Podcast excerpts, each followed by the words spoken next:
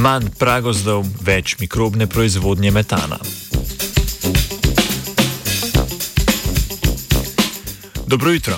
V reviji ISME Mednarodnega združenja za mikrobno ekologijo je išel članek o tem, da izsekavanje in požiganje amazonskega pragozda in njegovo spreminjanje v živinorejske pašnike povečuje mikrobno proizvodnjo plina metana v zemlji.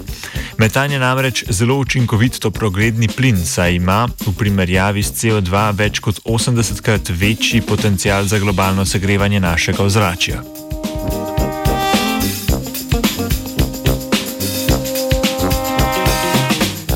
Raziskovalke in raziskovalci so postavili hipotezo, da so povečani izpusti metana na novo nastalih pašnikih posledica zmanjšanega deleža metanotrofnih mikroorganizmov, torej tistih mikrobov, ki metan presnovijo oziroma oksidirajo v metanol.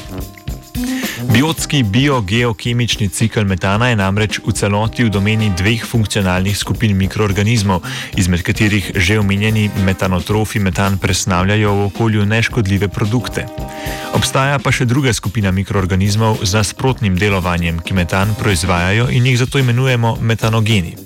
Od razmerja obeh funkcionalnih skupin je potem odvisno, ali določeno naravno okolje funkcionira kot ponor ali kot skladišče metana.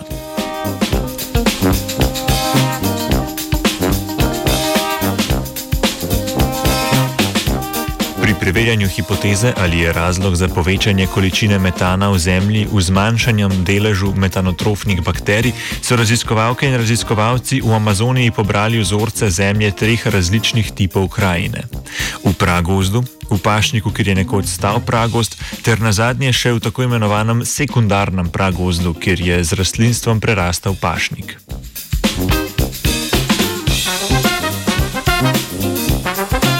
Za določanje presnovne aktivnosti mikroorganizmov udeleženih v kroženju metana so raziskovalke in raziskovalci uporabili tehniko DNA-SIP.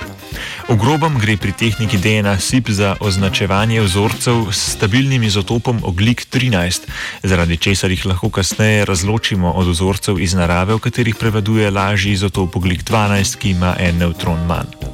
Prav tako pa tehnika DNA-SIP omogoča nadaljne genomske analize vrstne sestave mikro, mikrobnih združb. Raziskovalna skupina je tako vzorce zemlje sedem mesecev inkubirala v tesno zaprtih steklenih loncih in jim dodajala oglikove spojine z izotopom oglika 13. Metanogeni so v presnovi uporabili izotopsko označeni CO2, metanotrofi pa izotopsko označeno ocetno kislino ali pa metan.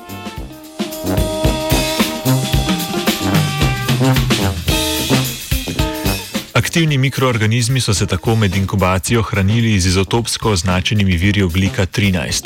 Tega so uporabili tudi za izgradnjo lastnih celičnih gradnikov, tudi za sintezo DNA. Prav ugradnja izotopa oglik 13 v mikrobno DNA je bila namreč ključna za razločevanje metabolno aktivnih mikroorganizmov od neaktivnih. Raziskovalke in raziskovalci so na to iz ozorcev zemlje izolirali DNA in jo ločili na podlagi njene gostote. DNA sestavljena pretežno iz izotopa oglik 13 ima namreč en neutron več in je zato težja od izotopa oglik 12. Na ta način so lahko ugotovili, ali v določenem tipu krajine prevladujejo porabniki ali proizvajalci metana.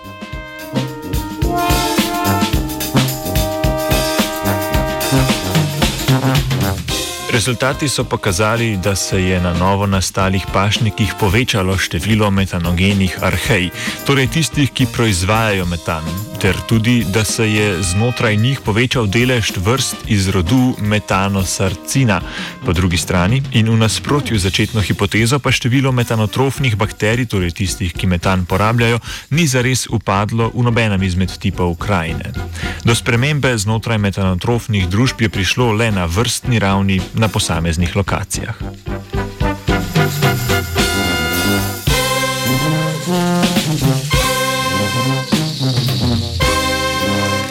Dobra novica pa je ugotovitev, da se je v območjih ponovno zaraslih spašnikov oziroma sekundarnih pragozdov zmanjšala aktivnost metanogenih mikroorganizmov na enako raven kot v primarnih pragozdovih.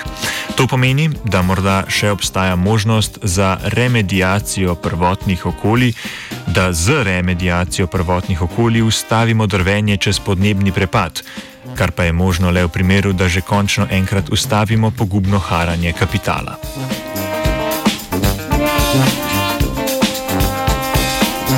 O mikrobih se nikoli ne naveliča brati teja.